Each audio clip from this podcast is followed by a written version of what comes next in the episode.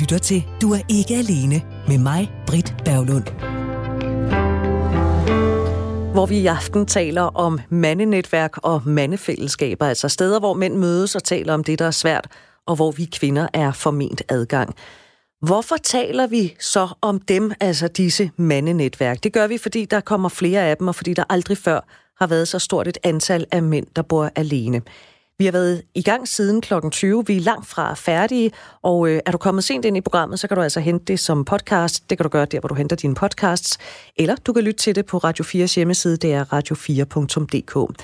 Jeg er i øh, ualmindeligt godt selskab her i studiet, for jeg har besøg af Mikkel Brakinski, der er manden bag podcasten Handkøn.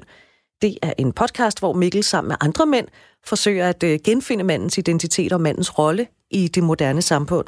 Og det taler Mikkel altså med øh, en lang række interessante mænd om.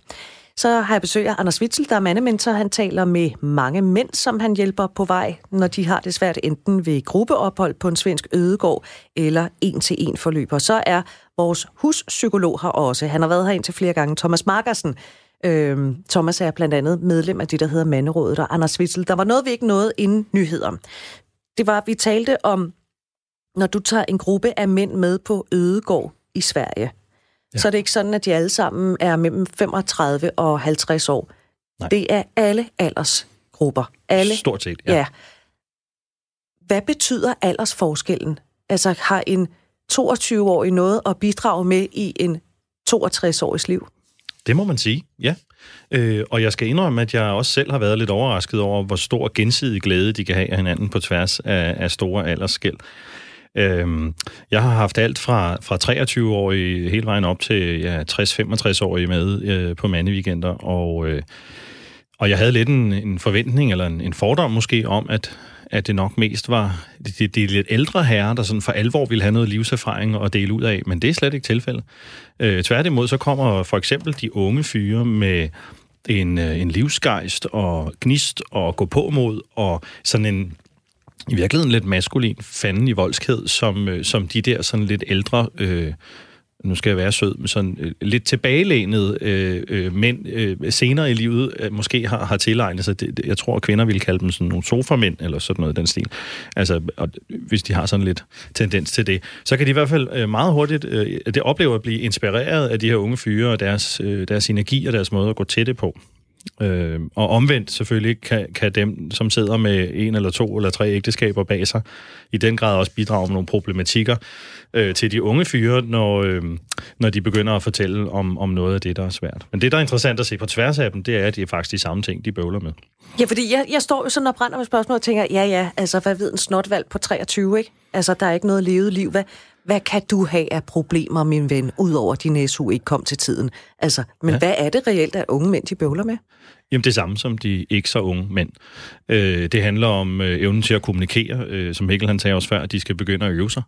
Øh, det er man det, simpelthen det, bevidst om i så ung en alder? Ja.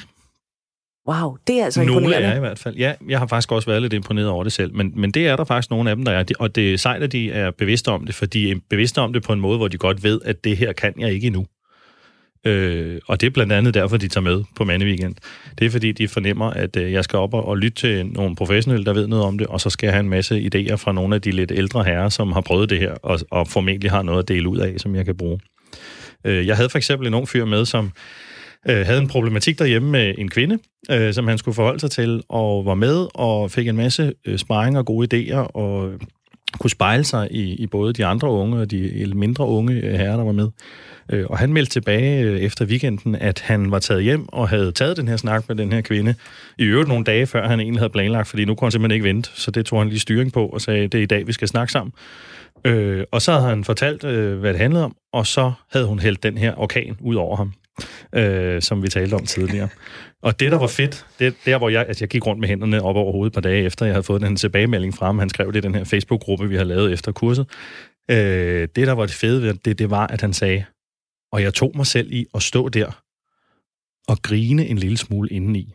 Altså ikke på den håndelige måde, men, men sådan have det sjovt over at kunne konstatere, at nu står jeg her i stormen, og jeg står her, og jeg er bevidst om mig selv, jeg har det godt, jeg kan godt se, hun er vred, øh, det må hun gerne være, og jeg lytter indtil hun er færdig.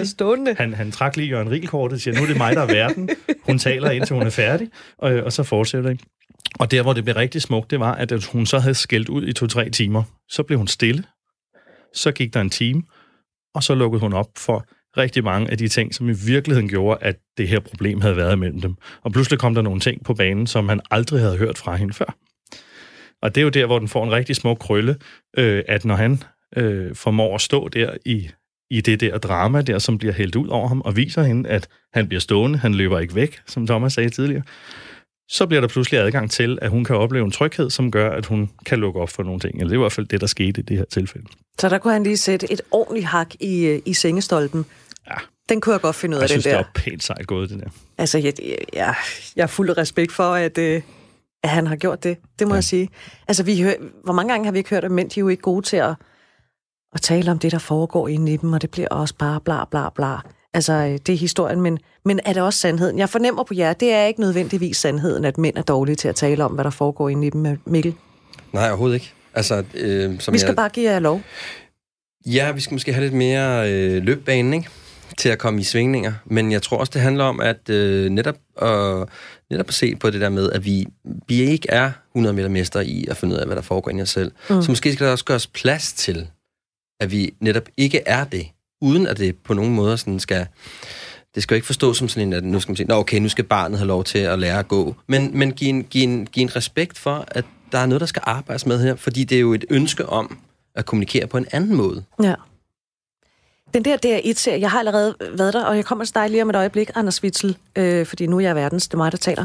Nej, noget af det, som psykolog Svend Madsen, øh, han sagde i forbindelse med den udsendelse, det var, at øh, der er rigtig mange mænd, hvis fortrolige, tættest fortrolige, det er deres partner. Og så har vi jo balladen, hvis mændene ikke har en partner. Så hvordan får man ligesom taget hul på den der, hvis man ikke måske har den helt store vennekreds, eller hvordan tager man hul på, og hvis man, altså hvis man ikke er vant til at tale om følelser med sine venner, og de heller ikke taler med følelser til en selv, hvordan tager man hul på den? Så blev der stille. Nå, vi tænker alle sammen, tror ja. jeg, over, hvad den bedste hvad Altså, jeg har lige taget en note om, at vi skal altså ikke tale om alt med vores partner. Øh, så det taler egentlig lidt ind i det, du nævner der. At, at det tror jeg virkelig er en af de sådan lidt øh, bredt udbredte øh, misforståelser, det der med, at vi skal bruge vores partner til alt, og hvis ikke vi kan tale med vores partner om alt, så er det nok ikke den rigtige partner, vi er sammen med. Det tror jeg sådan set både mænd og kvinder ofte lader sig forføre ind i at, at tænke på den måde i dag. Øh, jeg opfordrer tit øh, mænd til at tage styring på det. Tage styring på at få nogle aftaler med nogle andre mænd. Øh, og det kan vi godt sidde og snakke om øh, på et kursus eller til et foredrag, eller når jeg har en klient. Men jeg siger simpelthen til dem, øh, når jeg mener, du skal gøre det nu. Altså, når du går ud af døren, så kigger du i din kalender, hvornår har du tid, og så skriver du til fem venner, og så lægger du aftalerne i kalenderne, øh, kalenderen, og, og hvis de har brug for at flytte dem, så, så flytter I dem. I aflyser dem ikke, I flytter dem til et andet tidspunkt. Altså, bliver sådan helt banalt konkret på, nu skal vi mødes, øh, og så gøre noget ved det. Øh, fordi vi har ikke den der sådan, øh, kultur for at mødes som mænd på samme måde som, som kvinder, ligesom du sagde tidligere. Kvinder mødes jo uden årsag. Det kunne ikke ret mange mænd finde på. Altså, det er jo sådan noget, øh, hvor, hvorfor, hvad skal vi? Ja, og mænd skal helst lave et eller andet sammen for ja. at kunne mødes. Vi skal helst mødes og spille øh, badminton eller øh, billiard øh, eller et eller andet andet, før vi får en aftale i kalenderen. Og, og det kan man godt øh, tillade sig at udfordre i, i dagens Danmark som mand øh, at mødes for at snakke. Det synes jeg er et rigtig godt budskab at give videre. Jeg synes, vi er nødt til ligesom også at tale lidt om... Øh, vi skal tale lidt om noget, som du sagde, Thomas Markersen, da vi talte sammen forleden dag om, øh, at vi skulle tale om de her mandenetværk og mandefællesskaber. Der sagde du, mændene, de skal tage kridt skoene, hvis kvinderne skal blive interesseret i dem.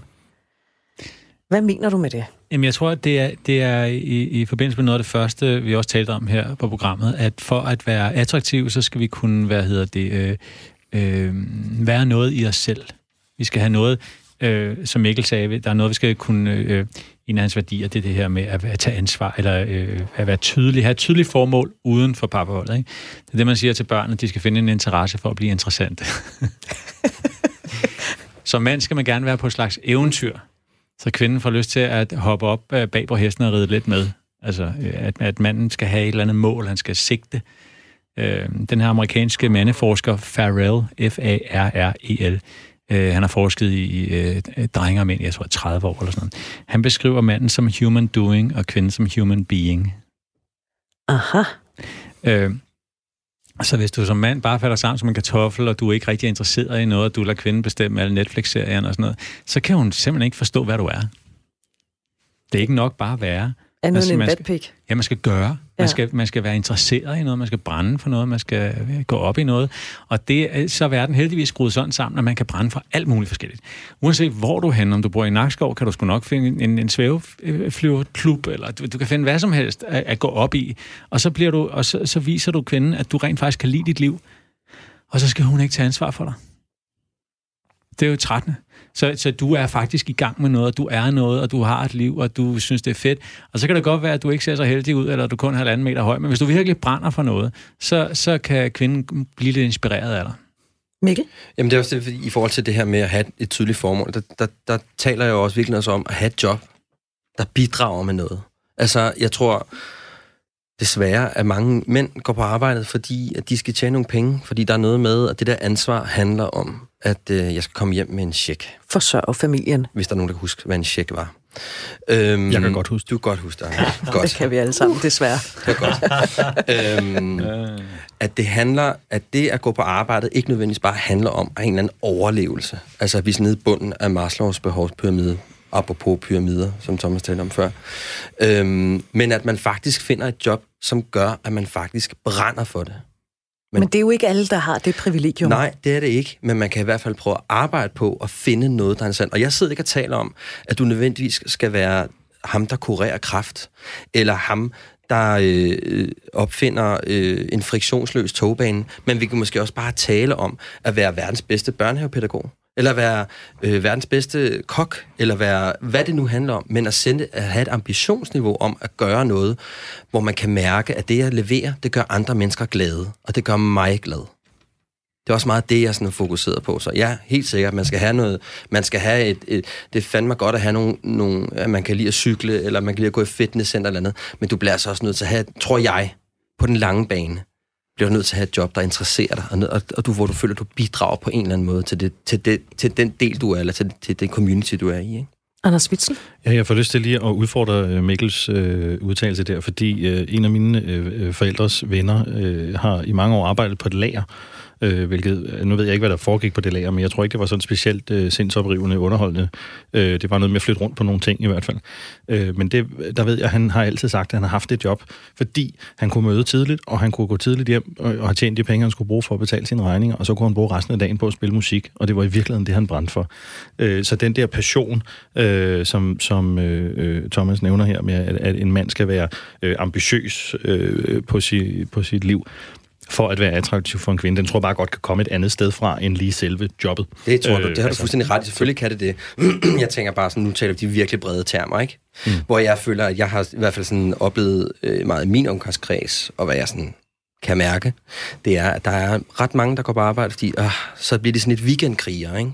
Altså, så er det weekenden, at deres liv skal leves. Så skal der meget med Iron Man, meget med spandex, meget med at bruge alle øh, rigtigt. vågne timer på at lave noget, fordi mm. basalt set, så er deres, det, de laver til hverdag, ikke super interessant. Altså, de lever af ugens, de, de, de ja, to dage på en uge. betyder ja. ligesom, at nu er det X-faktor, eller nu skal jeg have min, min, øh, min stramme tøj på og skal lave et eller andet. Jeg synes, det er da super fint at sige, prøv at høre, mit arbejde, det handler det, men jeg brænder fandme for musikken. Og hvem ved, det kan være en dag, at der kommer nogen forbi og tænker, fordi det kan godt være den der herre der, han måske tænker, jeg kunne godt tænke mig at blive musiker, jeg kunne godt tænke mig at være det på fuld tid. Why not? Og jeg, jeg må jeg lige bryde ind. Øh, nu er det sådan, så jeg tror 85 procent af arbejdstagere kan ikke lide deres arbejde. Og så tænker jeg, gud, hvad er der galt med os? Og så så jeg på forskning tilbage til 60'erne, hvor man startede med undersøgelsen af 50'erne. Og dengang var der også 85 procent, der ikke kunne lide deres arbejde. Det var jo, altså, jeg tror faktisk, at nøgleord, det er nørd. At tillade sig selv at være lidt nørdet. Og det er altid undret mig, hvordan kan det være, at det er så vigtigt for en mand at kunne være nørdet?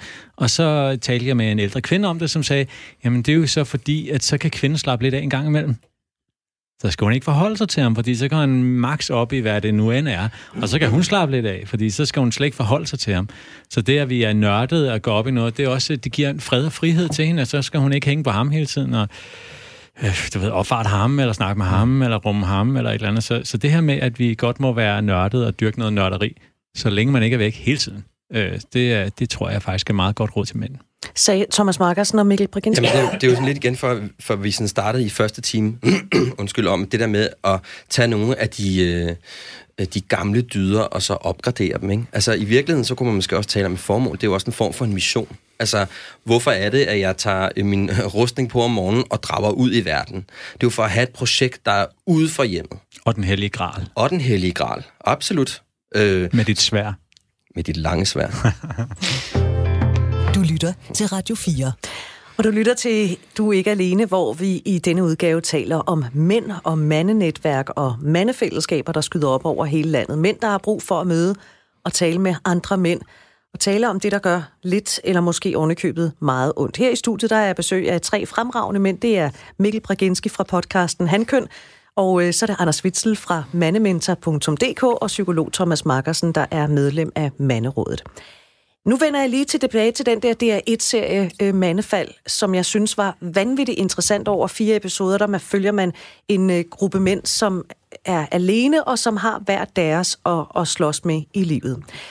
Hvis du har øh, stiftet bekendtskab med mandefald på DR1, så har du også stiftet bekendtskab med Kom Videre Mand, et gratis 8 ugers forløb, hvor otte mænd, der aldrig har mødt hinanden før, de mødes, og så taler de så om det, som de bokser med i deres liv. Tidligere for en øh, lille times tid siden, der talte vi her i programmet med Mass, der brugte Kom Videre Mand til, ja, faktisk at komme videre med sit liv, da livet det gjorde allermest ondt.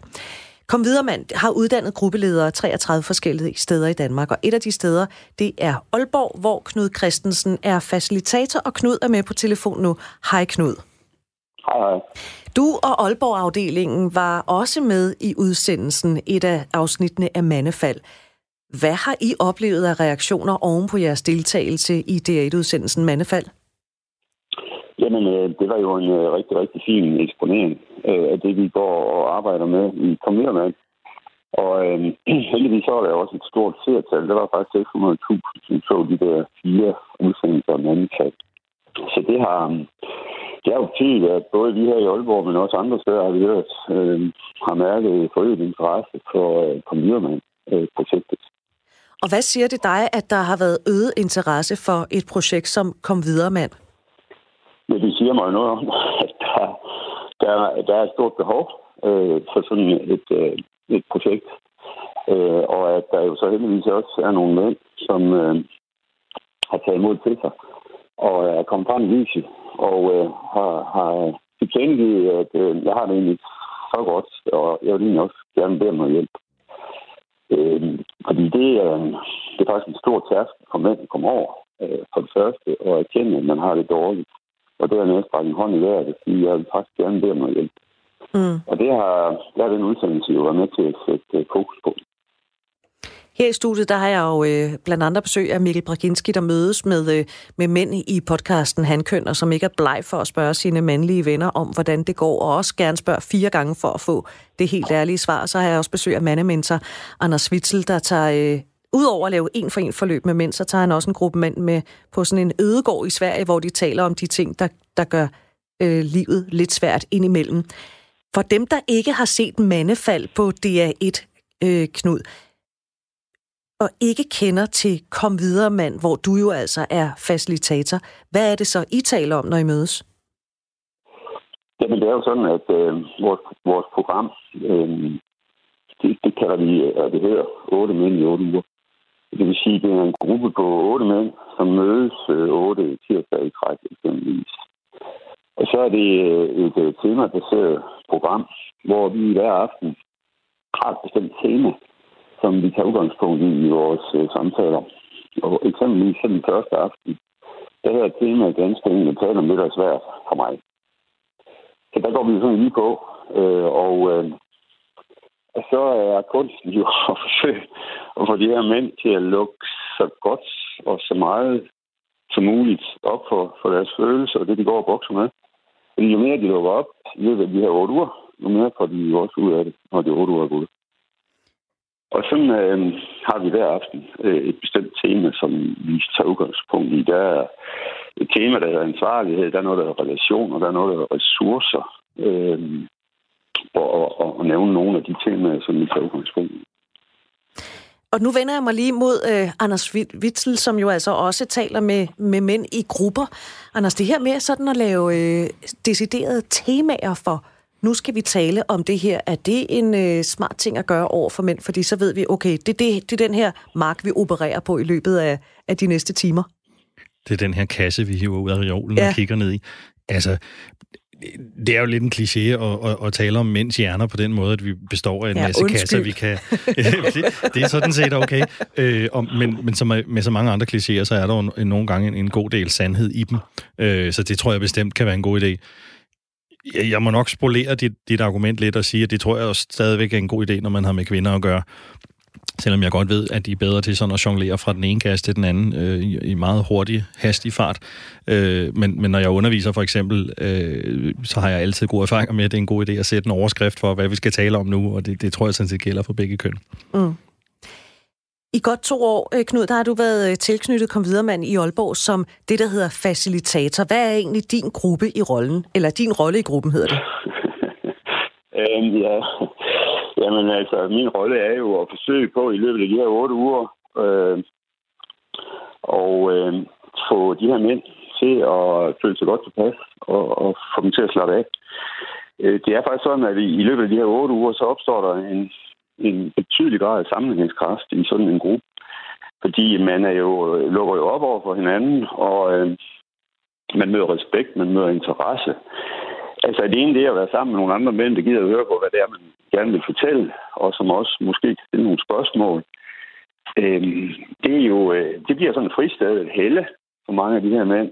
Øhm, så, så det er simpelthen min opgave øh, igennem øh, de her otte uger at, at få dem til at lukke op så godt som muligt, vise hinanden respekt, øhm, og så selvfølgelig også øh, hjælpe lidt til med at stille nogle øh, opklarende spørgsmål øh, i løbet af de her otte aftener.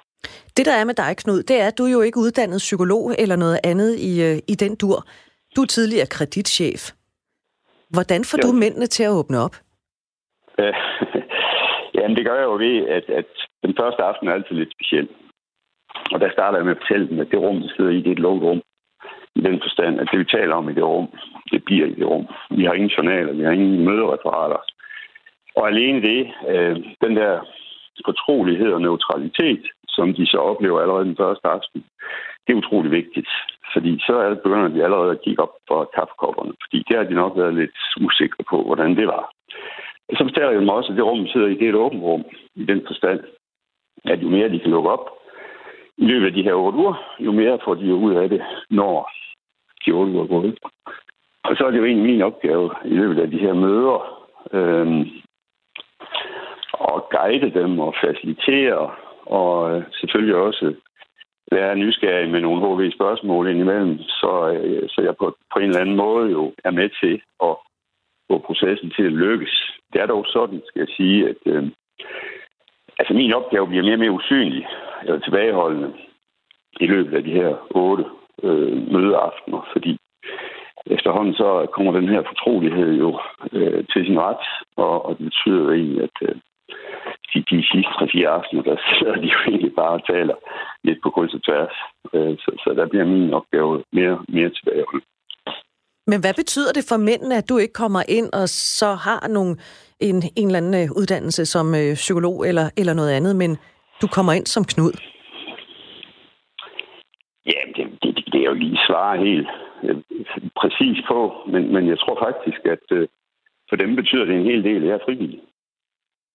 Og det, det vil sige, de ved godt, at jeg får ikke penge for det her. Øh, og det vil sige, de føler jo, at min tilstedeværelse er udtryk for en ærlig interesse for at hjælpe dem. Mm. I modsætning til en professionel, som nogen har fortalt om, øh, at det kan være en psykolog, det kan også være andre, øh, som jo er dygtige mennesker.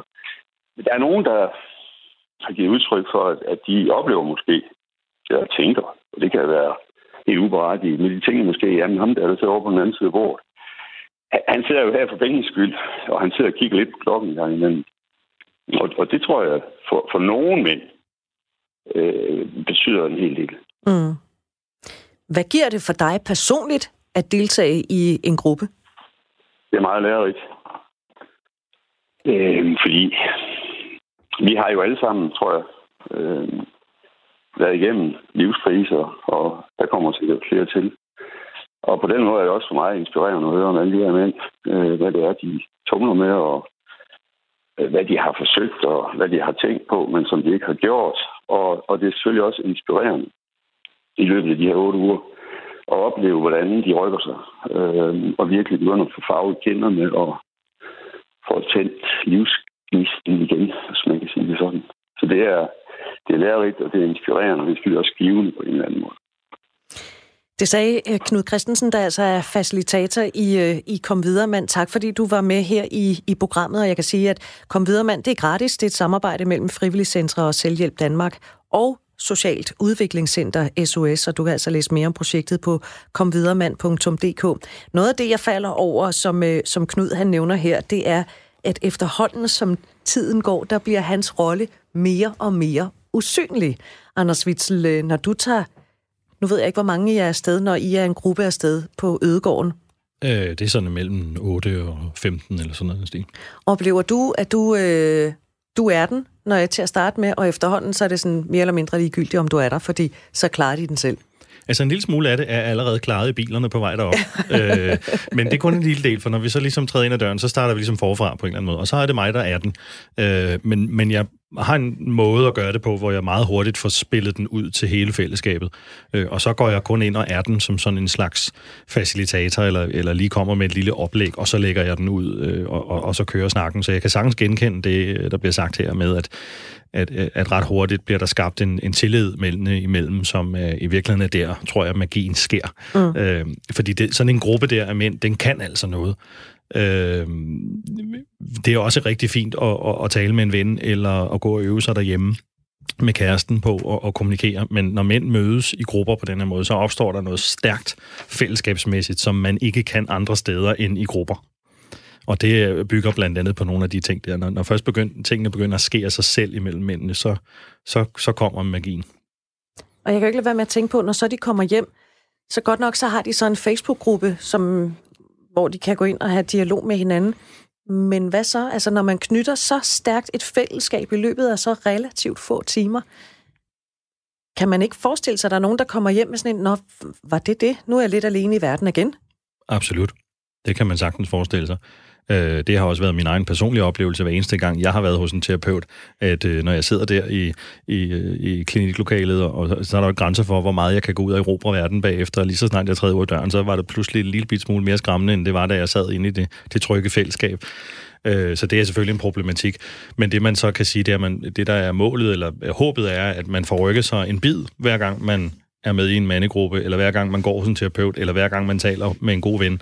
Øh, så når man så lægger alle de små skridt sammen, så over tid, så, så bliver det til nogle meget store skridt, som man kan bruge til noget i sit liv. Mm. Hvad ville der ske, hvis mænd ikke talte med mænd? Mikkel? Jamen, så tror Nå, jeg... du ser at... helt modløs Nå, ud. jamen, jeg stod lige og tænkte på, hvad der så ville ske.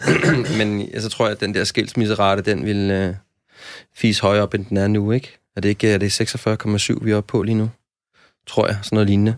Altså, det er jo, det er jo, det er jo et stort problem kan man sige. Eller skal vi sige en stor udfordring, hvis man skulle være sådan lidt mere korrekt. Øhm, men det er en stor udfordring. Det er, jo, det er jo ligesom det, der er, som jeg ser det, en af de helt store hurdler for, at vi kan være i nogle sunde relationer med hinanden. Altså mænd kan være i sunde relationer med, med kvinder eller samme køn, eller hvad du det handler om. Det handler om, at vi skal til at kommunikere på nogle andre måder, end det vi har gjort. Når nu de her mandenetværk og mandefællesskaber, de sådan øh, spiger op forskellige steder, øh, rundt om i landet, og der er efterhånden ret mange af dem. Det er jo ikke noget, vi sådan hører om eller taler om. Hvor startede det hele henne? Altså, jeg tænker altid, hvem tog den og så sagde, Nå, kære venner, vi har sgu brug for nogle steder, hvor mænd de kan mødes og, og tale om det at være mand, og det at have nogle, øh, nogle problemer som mand, som man ikke har lyst til at dele med andre. Thomas Markersen? Jeg tror, kimen blev lagt for lang tid siden. Jeg kan ja. i hvert fald huske at overhøre en samtale med min mor og far for mange år siden, der gik på, at hun var sur over, at han ikke øh, var gået i mandegruppe. Fordi der var åbenbart en mandegruppe dengang, ikke, som han blev tilbudt at være med i, men så, øh, han gad ikke, eller jeg synes, øh, det eller andet, ikke? som hun bebrejdede ham, at han ikke havde gjort. Så jeg tror, at det er sådan en, det er en bølge igen. Der har, jeg tror, der har været en slags bølge med lavet mandegrupper og sådan noget i øh, 70'erne. Øh, og så er der bare blevet taget tilløb. Altså, når jeg sidder her og hører Anders snakke og, og Mikkel snakke om, om venskaber, så øh, synes jeg, det lyder lidt som om, at vores, øh, vores venskabs-IQ er gået gevaldigt op. Vi ved også, at forældre er blevet kærligere forældre, og øh, vi mænd er blevet bedre øh, venner. Øh, og man kan simpelthen se det. Man kan kende forskel på, at der er nogle mænd, der ikke har installeret det der software, så er der nogen, der har. Det er som to forskellige dyr. Så der er sådan en, der er sådan en slags øh, venskabs øh, øh, IQ, der er på vej op. Folk nikker i studiet, ikke? og det, det er altså ret interessant. Øh, men mandegrupperne, det er sjovt, hvornår, fordi det er jo ret det er faktisk lidt hemmeligt, ikke? Jeg har selv sådan en slags... Det er også nogle øh, hemmelige øh, netværk. ja, men altså, på en måde er det. Og det er altså, så jeg, jeg er der svar skyldig. Jeg er selv med et par stykker, øh, men det er altid sådan meget formålsorienteret. Ikke? Vi har sådan en slags tænketank, hvor vi sådan, øh, hjælper hinanden med artikler og sådan noget, men det, vi reklamerer ikke med det. Og manderåd, det er i princippet også en slags du ved, venskabsgruppe, når det kommer. Vi det er kalder det, vi kalder det politisk, ikke? men det er sådan lidt, øh, ja, så slæder vi. Ja, sådan noget med. Måske er logierne i virkeligheden sådan øh, datidens svar på mandenetværk og mandefællesskaber. Det var der, man mødtes og talte om ting. Jeg ved det ikke. Mikkel Braginski? Jeg tænker lidt, måske vi kunne... Altså, nu tænker jeg bare højt her i det her lille lukket Kom med det. Men, øh, eller forum, men øh, at, at der er måske noget af de der, omkring de her rødstrømper, ikke? Og at den her kvindefrigørelse og jeg ved ikke, hvor meget jeg synes, det bløde mand var en, en god idé eller en dårlig idé, men, men jeg tænker måske, at, at hunkønnet har skubbet lidt til hankønnet og sagt, øhm, nu skal I skulle til at tage jer selv lidt alvorligt. Øh, så jeg, jeg, jeg kunne forestille mig, at der måske ligger noget der omkring i slutningen af 60'erne og starten af 70'erne, Åh, oh, det er jeg helt uenig i. Ja, det er godt. Fortæl mig, hvorfor. jeg, jeg tror nærmest, øh, at rødstrømperne aflevede øh, de mandefællesskaber, der var. Øh, og, og så kan det godt være, at, at, at din far, Thomas, skulle have været i en mandegruppe, men jeg tror, at den mandegruppe handlede om noget meget feminint. Så jeg, jeg tror nærmest, at rødstrømperne har været med til at at aflive det for nogle år. Ja. Øh, og så er det begyndt at blomstre op, men altså, hvis vi bare kigger fem eller ti år tilbage i tiden, så eksisterede det her jo stort set ikke. Altså, eller i hvert fald ikke det, sådan den generelle opfattelse af, at mænd skulle tale om følelser og alle de ting, vi sidder og, og perspektiverer her. Det, det er jo sådan ret nyt, at, at det er blevet alment for mænd at forholde sig til de her ting.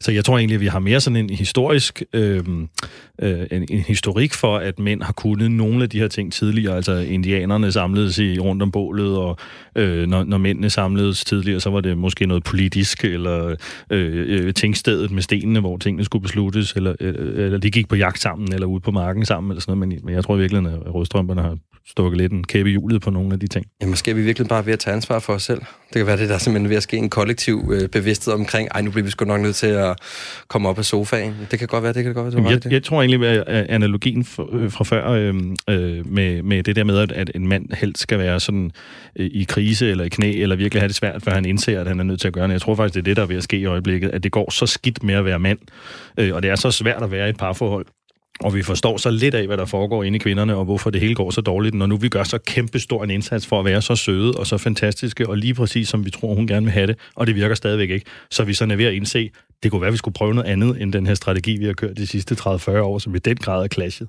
Altså man kan også sige, hvis man nu kigger på den undersøgelse, som Gallup lavede for Berlingske, jeg refererede til den i første time, om at, øh, at rigtig mange kvinder ikke nødvendigvis ser sig selv med en partner, men det er der flere mænd, der gør. Så skal man jo virkelig, altså undskyld mig, knive ballerne sammen som mænd, for ligesom at, at få presset den ind hos en kvinde, der siger, jeg gider ikke parforhold. Øhm, og det er åbenbart ikke nok at være sød, Thomas Markersen, som mand. Øhm, hvad hedder det? Altså, børn er søde, ikke? Altså, en mand, han vælger at være sød. Det er to, det er vidt forskellige ting. Okay, men øh, vi kvinder kan ikke lide en mand, der vælger at være sød. Jo, I elsker en mand, der vælger at være sød. I elsker ikke en mand, der bare er sød. Så har han ikke noget kant, så er han ikke voksen. Så det er noget med, at man, hun kan se på ham, at han i virkeligheden ikke gider, eller et eller andet, eller han tager sig sammen. Og han viser, han, han smiler, han finder sin bedste historie frem og alt det der. Ikke? Fordi han tror, det er det, kvinden gerne vil høre. Nej, men altså, vi kan, nej det, det jeg siger, det er, at mænd, der bare er søde, de fremstår naive. Og en kvinde kan ikke stole på en naiv mand. Så i, en, i sådan en eksistentiel personlighedsudviklingstrappe, så er tre trin. Du starter med at være naiv. Det hedder wide-eyed, åbne øjne. Ligesom uh, Gø og Gokke. Gø, han har sådan, hans øjne, de er fuldstændig udspillet. Ikke? Altså, du har, slet ikke, du har slet ikke fattet, at verden kan være farlig. Okay? Det er en trin 1. Trin 2, det er, når du bliver lidt ældre, du opdager, at der er folk, der ikke ved dig det godt. Så bliver du en lille smule kynisk og paranoid og selvbeskyttende.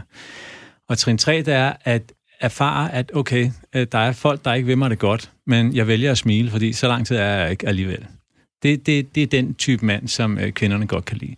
Og det er mand, der vælger at være sød. Han er ikke bare sød som en temperamentsdisposition eller et eller andet. Han, han vælger at være sød, og han, han er en lille smule hårdt arbejde at være så ordentlig hele tiden. Men mm. han, han gør sit bedste, ikke? jeg, jeg vil godt uh, skyde ind. Jeg synes, det er ret, ret hårdt arbejde faktisk, at være så sød hele tiden. Det vil jeg godt advare imod.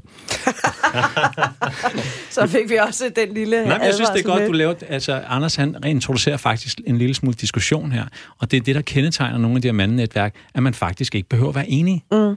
Det er til stor forskel fra, hvad, hvordan I ser os i andre sammenhænge, og hvordan kvinder ofte taler sammen, har jeg erfaret. At i mandegrupper, i manderådet for eksempel, så kan vi være pænt uenige. Og vi sidder alligevel rundt om bordet, og vi prøver at få det til at spille. Ikke? Fordi det mandige, det er også at prøve at stå inden for det, man siger. Og så, så er der nogle gnister, og det er også spændende. Og det er vel også okay at være enige om at være uenige om et eller andet? Ja, naturligvis, fordi så kan man mærke, at der var en, der mente et eller andet, eller synes, eller tænkte et eller andet, der er skide spændende. Det kunne jeg faktisk godt tænke mig at høre mere om. Ja. At, man, at man, uh, uenigheden er, er en, næsten en fast... Uh, det må godt, den må godt være der. Og det mm. er, så det handler ikke bare om at være søde og være venner. Det handler også om at teste sig selv af, og, hvad hedder det, og prøve at stå inden for nogle ting. Mm. Du lytter til Du er ikke alene med mig, Britt Berglund. Og nu har vi jo talt rigtig meget om og hørt om, om mænd, der, der hjælper mænd at mødes med mænd. Men nu vil jeg gerne have, at vi skal tale om mig. Om os kvinder. Spændende. Fordi der er mange af os kvinder, der godt kan, og jeg kan se Anders Wissel, han læner sig tilbage i stolen og lægger armene over kors og siger, ja, du kommer bare med det. Hvad hedder det? Der er jo rigtig mange af os, der godt kan lide jer mænd. Og selvfølgelig, så ønsker vi jo kun, at I har det godt. Hvor stort et ansvar har vi kvinder egentlig for at hjælpe jer mænd til, at I får det bedre? Er der nogen, der har lyst til at... Jeg kigger på dig, Anders Witzel. Du er mandementor. Mm. Hvor stort et ansvar har jeg som kvinde? Det er et vanvittigt godt spørgsmål. Øh, som udgangspunkt synes jeg egentlig ikke, at du overhovedet har noget som helst ansvar for det. Øh, og når det er sagt, så øh, mener jeg faktisk heller ikke, det er helt 100 procent.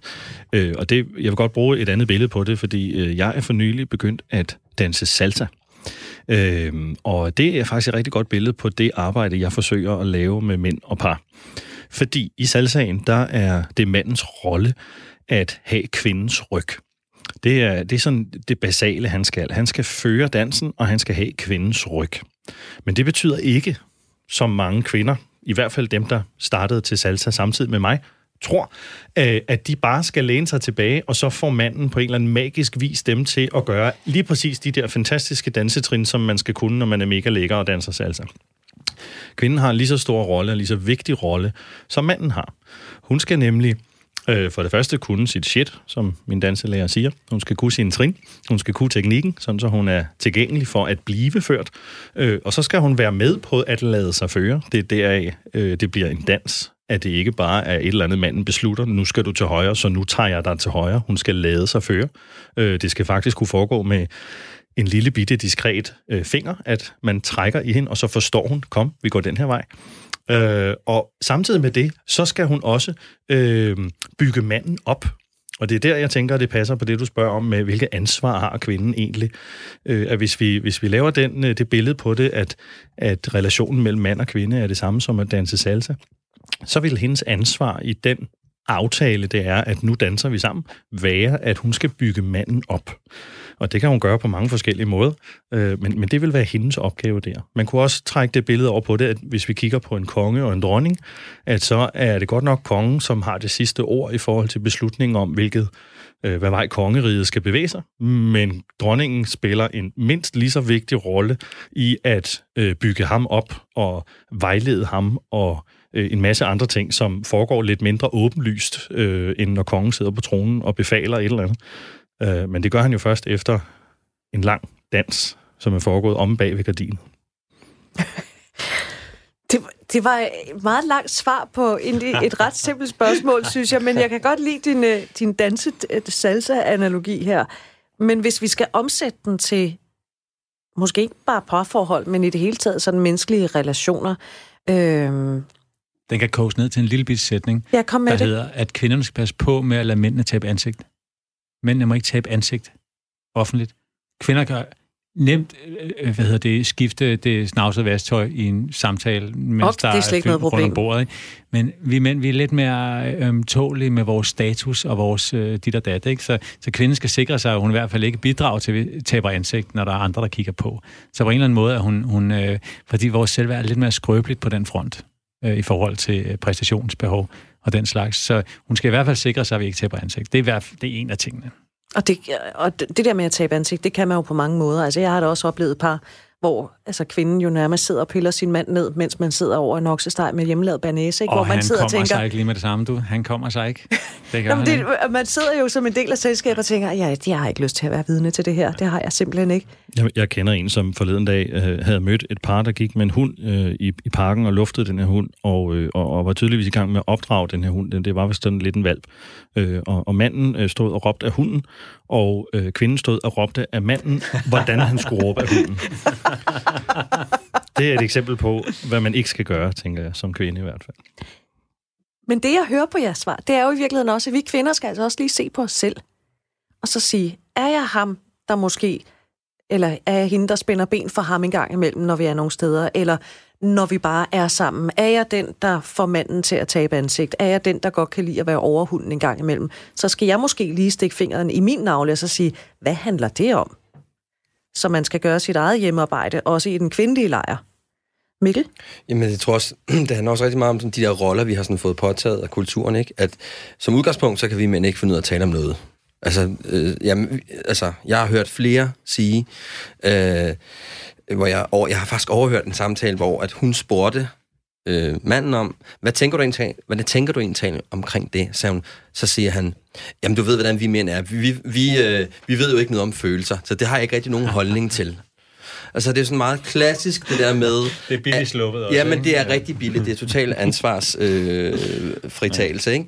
Men der er også noget omkring den måde, som vi ser hinandens kønsroller på. At kvinden ligesom, hun er den, der kan alle de her ting og sager, og manden, han er sådan en stander, der står over i hjørnet, som skal have en kop kaffe en gang imellem, så skal han lægge sig i seng, ikke?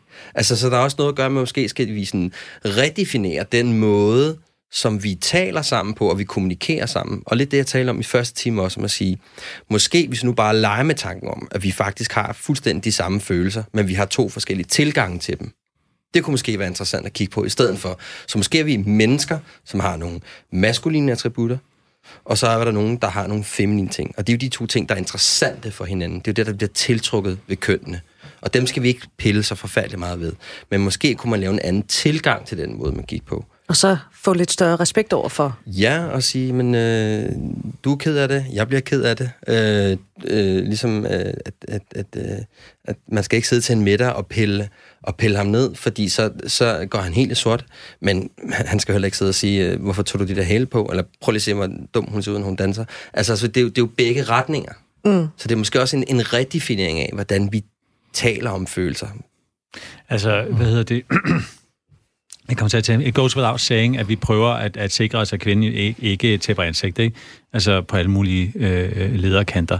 Øh, helt sikkert. Øh, og hvad, hvad sagde du mere? Altså nu, nu havde jeg havde tre tanker i hovedet på en gang, og det, det var for meget for mig. Altså noget, som, som Mikkel siger? Øh, ja, det Mikkel sagde med at øh, redefinere, øh, hvad hedder det, vores måde at forholde os til følelser på. Jo, det er faktisk ofte sådan, at vi mænd, vi kommer til at opføre sig på en måde, som ikke virker så godt for kvinden. Og så ender kvinden med at stride manden ud. Og så har vi alle de der tusindvis af singler alle vejen. Og det kunne være, en, øh, som et konkret råd til kvinderne, så er det, at prøv lige at fortælle om, hvordan du fungerer. Prøv lige at sige til ham, at du har brug for lidt afstand, og det betyder ikke, at du ikke elsker ham. Altså, så opdrag ham lidt til, hvordan du fungerer. Fordi der er meget ofte, hvor kvinden ikke, hun kan ikke finde ud af at sige, jeg har brug for en lille pause. Så, så på en eller anden måde, så kommer manden bare til at være der som en knæst. Så jeg tænker at opfordre kvinder til at blive mere verbale med, hvordan de fungerer. Og lige Lad være, lad være at skrive så lange sms'er til mig, eller et eller andet. Så hvis hun kan det, så, så de her mænd ikke træder for forkert. Ja. ja, og så måske virkelig også, hvad skal man sige, og det gælder jo virkelig for begge køn.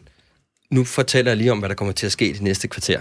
Ikke? Altså man ligesom går ind i samtalen, i stedet for at lige pludselig, så bliver man ramt af en, øh, af en, af en mursten i nakken. Ikke? Det du siger til, det du sagde i går, det er et problem. Altså, jeg har oplevet i mit eget liv det der med, at man ikke bliver forberedt på, hvad der skal ske. Det, det, og det tror jeg, det gælder begge retninger. Altså, man, man, nu, sætter vi en, nu sætter vi en ramme for, hvad der skal ske det næste stykke tid. er det okay med dig, at vi taler om det, der skete i går aftes? Eller der er noget, jeg har gået og tænkt over i løbet af dagen. Kunne vi, kunne vi, eventuelt, oh, kunne vi eventuelt bruge øh, fem minutter på at tale om det? Er du okay med det? Altså, det, så, er så er der også bliver lavet en anden tilgang til, at jeg er klar over, at nu kommer jeg med noget, der potentielt er farligt. Men, men jeg skal lige tjekke med dig, er det okay, at vi gør det her nu? Og så har man sgu ret til at sige, nej, det passer mig ikke nu, men du kom tilbage om to timer, når jeg er landet. Og så måske også bare tale om, at der er forskel på mænd og kvinder, og måden vi tænker og opererer på, og alt det der. Og, og det skal der jo være. Og vi kvinder kan måske også en gang imellem forvente, at I selvfølgelig godt kan læse mellem linjerne. Øh, det kan I ikke altid, og I kan også selvfølgelig også læse vores tanker og sådan noget. Jeg havde engang en længere diskussion med en... Øh, nogle mænd kan. Nogle mænd, nogle mænd. Jeg havde engang en længere diskussion med en øh, kæreste, jeg havde på det tidspunkt. Han hed Anders, og... Øh, vi han havde, lyder som sød fyr. Jamen, det, og det ved du hvad, det er han faktisk også stadigvæk den dag i dag, til trods for ikke er sammen. Han er faktisk en af mine rigtig gode venner. Men jeg skriver så en sms til ham, og så undrer mig over, at jeg ikke får noget svar. Og det irriterer mig rent ud sagt som et ekstra hul i mosen, ikke? Og da jeg så kommer hjem, så er jeg bare sådan et, hvad fuck laver du? Hvorfor svarer du? Hvor han var sådan et, mm, der var jo ikke noget spørgsmålstegn. Mm. Ja, hvad for noget, siger jeg så? Så siger han, jamen, jeg har, da, jeg har da læst din sms, men der var jo ikke noget spørgsmålstegn. Der var jo ikke noget, jeg skulle svare på. Og der gik der sådan lidt en pros op for mig, den der, okay, jeg har i mit hoved forventet, at han selvfølgelig svarede et eller andet, der ikke var at svare på. Så det der med også lige at huske at tale sammen, og jeg kunne i virkeligheden bare have sagt, har du set min sms? Mm. Ja, jeg, har, jeg opfordrer tit folk til, at øh, i stedet for at træde ind i en diskussion eller en samtale øh, med, med, med, med kniven sige, trukket, med, kniven trukket med den kritiske fane rejst, så at, at gøre det, jeg kalder at være kærligt nysgerrig på hinanden øh, og det er, det er en kompetence, man skal øve sig på og, og huske sig selv på at kunne. Men når hver gang man står i de der situationer, hvor voldsomme, ofte negative, svære følelser kommer op i en, så lige minde en selv om, okay, lige nu tolker jeg et eller andet, som gør, at jeg får den her følelse. Det det kunne godt være, at der er en anden forklaring, som jeg kan gennemskue. Så når man så lige spørger, og så nogle gange kan det være en god idé lige at trække vejret lidt, inden man spørger, øh, så sige, øh, hvad fik dig til at gøre, som du gjorde, eller hvordan foregik det inde i dig imens?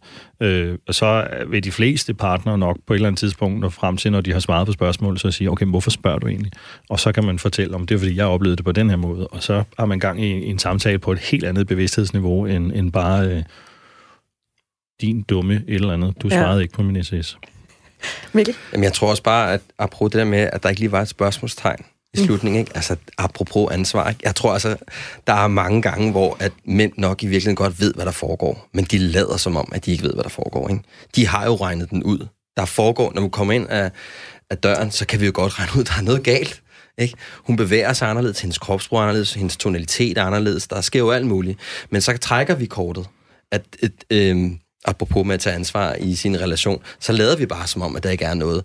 Og så, når du slet ikke har mærke til, at jeg har det mærkeligt, øh, nej, det har jeg ikke lige, du ved. Jeg har, altså, og selvfølgelig, og selvfølgelig, og selvfølgelig har, har vi, mange har lagt mærke til det, men det er bare lettere at sige, der var ikke noget spørgsmålstegn. Jeg er sikker på, at Anders er en smadret sød fyr, så øh, shout out til Anders. Men, men, men, men, men altså, der er bare noget i det, som er sådan lidt, hvor det er let at trække den der, lidt, og vi talte om før, og sige sådan, Nå, jamen, du ved, hvordan vi mænd er. Altså, noget med at tage noget ansvar for Jo, men jeg fik jo oplevelsen af, at jeg kunne godt se, at i det, jeg havde skrevet, så var der jo rent faktisk ikke noget at svare på. Det var bare en, en, det, en, det var en information om, hvad der var ville komme til at ske. Ja, og det kan også gøre, at det var et dårligt eksempel lige med ja, Anders. Nå, det er fint, det er men, fint, men det er bare det, er det med, det er jo tit, tit, så skal man jo være i rummet. Altså man kommer ind i et rum. De, jeg tror, de fleste mennesker, øh, og det er sikker på, at Thomas har meget mere at tale om, men, men man kommer ind, så læser man lige menneskerne. Man ved godt, hvad der, der foregår. Han er sur, han er glad. Det tager en milledel af et sekund. Øh, så måske skal man lige applikere det ind, mm. ind sådan lidt indad, ikke? Jeg tænker, hvis vi lige også giver et godt råd ud til de her mænd, som er, er singler, så er det noget med, at noget af det, vi taler om, det er, at, øh, manden gerne må tage ansvar og være interesseret i noget, og have passion eller en nørderi. Og øh, så skal han, når han kommer hjem, faktisk gøre kvinden til sit nørdobjekt, hvis han kan det.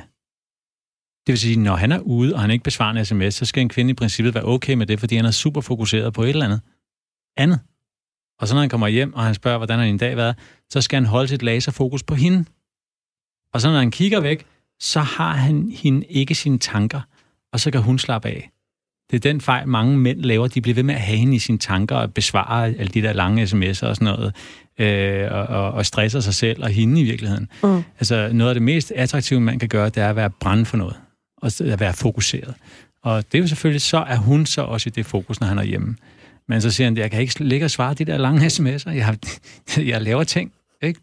Øh, hvad kan være vigtigere end mig? Jeg, jeg, hjulpet, spørger bare. jeg har hjulpet en gut, der var på en kaserne, og han, hans usikre kæreste ringede to timer hver aften, og han hang i telefonen ikke, hver eneste aften. Så prøv nu at høre her, ikke? jeg laver det her, og så når jeg er hjemme, så er jeg 100 på ikke, på mm. dig. I hvert fald meget tid. Det er jo meget sjovt med, med forskellene, som vi, vi tænker og agerer på i den her verden imellem kønnene.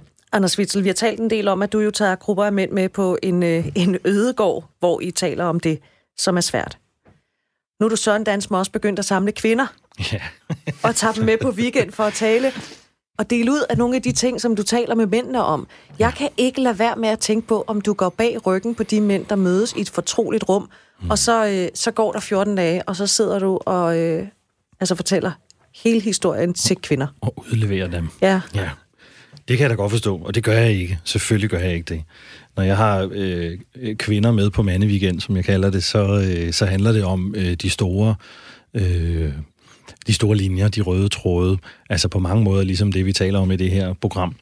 Øh, det, er, det er sådan de tendenser, øh, hvor vi så laver nogle punktnedslag på, øh, når vi har, har, har taget de store tråde, så, så vil kvinderne som regel gerne vide, jamen hvad skal jeg så sige til ham, når han kommer hjem torsdag aften kl. 20 og lige har spillet fodbold og bare smider fodboldstøvlerne i entréen? Hvordan løser jeg det? Så vi når også ned på sådan meget konkret øh, på en måde lidt banalt, øh, men, men alle steds nærværende øh, niveau for de her kvinder.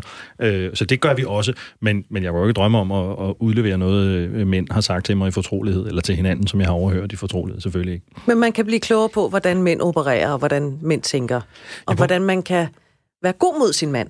Ja, præcis. Mm. Øh, hvordan man bygger ham op, for eksempel, øh, som vi talte om før. Øhm, og, og, og på mange måder er meget af det, jeg siger, egentlig mine oplæg er egentlig meget lige det, som jeg øh, også har med på mandeweekenderne. Men vi taler selvfølgelig om det på en anden måde bagefter, fordi de tager jo ikke øh, udgangspunkt i det og fortæller deres egen historie som mand, ligesom mændene gør på weekenderne. Men, øh, men, men vi taler så om, hvordan de har oplevet mænd. Og det, der tit sker, det er, at de her kvinder får øh, nogle ret vilde aha-oplevelser.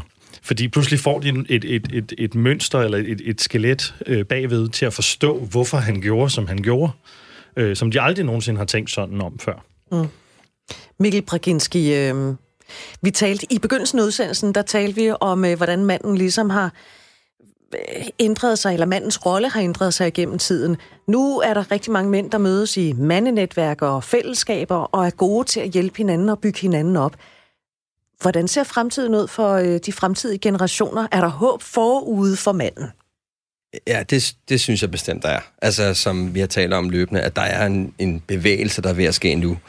Jeg tror, at øh, os, der har børn nu, unge, unge døtre og unge drengebørn, vi er mere opmærksomme på det. Så vi er nok mere opmærksomme på, at vi selv ikke havde det, nogle har selvfølgelig haft det, men en stor del af os ikke har haft det her, øh, den her anerkendelse af, at der er nogle følelser, der skal undersøges, og der er noget selvværd, der skal opbygges i virkeligheden, følelsesmæssigt selvværd. Øh, så jeg tror da helt sikkert, at det er, det, det, er den rigt, det er på den rigtige vej. Og det jeg laver, det er jo også ligesom at sige, det er sådan lidt, altså jeg kalder det lidt sådan, det er lidt førstehjælp til en, til en stor generation af mænd, som er lidt ude af skide, ikke? Så hvordan kan man få nogle, nogle værktøjer til at arbejde med sig selv? Mm. Men jeg ser helt klart, the future is bright. Absolut. Thomas Markersen, er, øh, er, ser fremtiden løs ud? Øhm, det er tvækket svær, for at sige det mildt. Fordi i det feminine software, som vi i princippet øh, installerer lige for tiden, og har det rigtig fedt med, fordi man kan åbne sig op og få ud, udforske nogle territorier i sig selv og i grupper og alt det her. Det, der er meget, rigtig meget godt ved det. Det er også tvirket svært, fordi i det feminine software, hvis vi må kalde det det, der er også øh, vælsindhed. Og det er der, du finder alle de der mænd, der hopper fra dame til dame. Og det bliver kvinderne sindssyge af, det bliver mændene sindssyge af til sidst, og det bliver børnene sindssyge af, og samfundet går fra hinanden. Så der, det, det, det, det er tvækket svært. Det er svært, og det kræver, at der er nogen, der virkelig ved, hvad de taler om. Anders Witzel, øh, vi skal også lige have dig med her til sidst. Er der fremtid for mændene? Det håbede jeg sådan, jeg også fik lov at svare på. øh, jeg er enig med Thomas i, det er tvækket svært, fordi øh, det, jeg ser i øjeblikket, det er, at der er fuld fart på mandeshamingen og, og modstanden på, på alt det her, vi taler om her, når, når mænd øh, leder efter en måde at være en rigtig mand på. Det har vi heldigvis undgået det begreb i dag, men nu sagde jeg det alligevel. Øh, og så er der en anden vej, og det er de mænd, som øh, vælger at tage ansvar. Øh, og det er der jo nogle mænd, der kommer til at vælge. Der er heldigvis flere og flere af dem, der gør det, men jeg må tilstå, at jeg er ikke overbevist om endnu, at det her det kommer til at øh, slå igennem på samfundsplan. Det får vi at se. Jeg håber på det. Vi krydser fingre og håber det bedste. Jeg vil sige uh, tusind tak, fordi I kom. Thomas Markersen, psykolog, Anders Witzel, mandementor, mandementor.dk og Mikkel Brzezinski, som du altså kan møde i podcasten Hankøn, hvor det handler om mandens identitet, som han taler med mange spændende mænd om. Du er ikke alene er slut for i, uh, i dag. Husk, at du kan skrive til os ikke alene snablag radio4.dk ikke alene snablag radio4.dk Programmet er produceret af Pibesource Productions for Radio 4.